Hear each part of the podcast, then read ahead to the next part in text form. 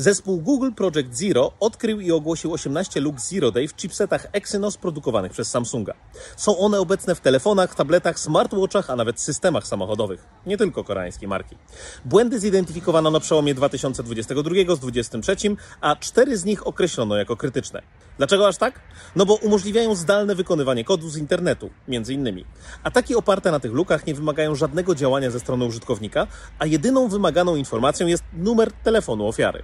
Atakujący mogą łatwo zainfekować podatne urządzenia bez zwracania uwagi osoby będącej celem.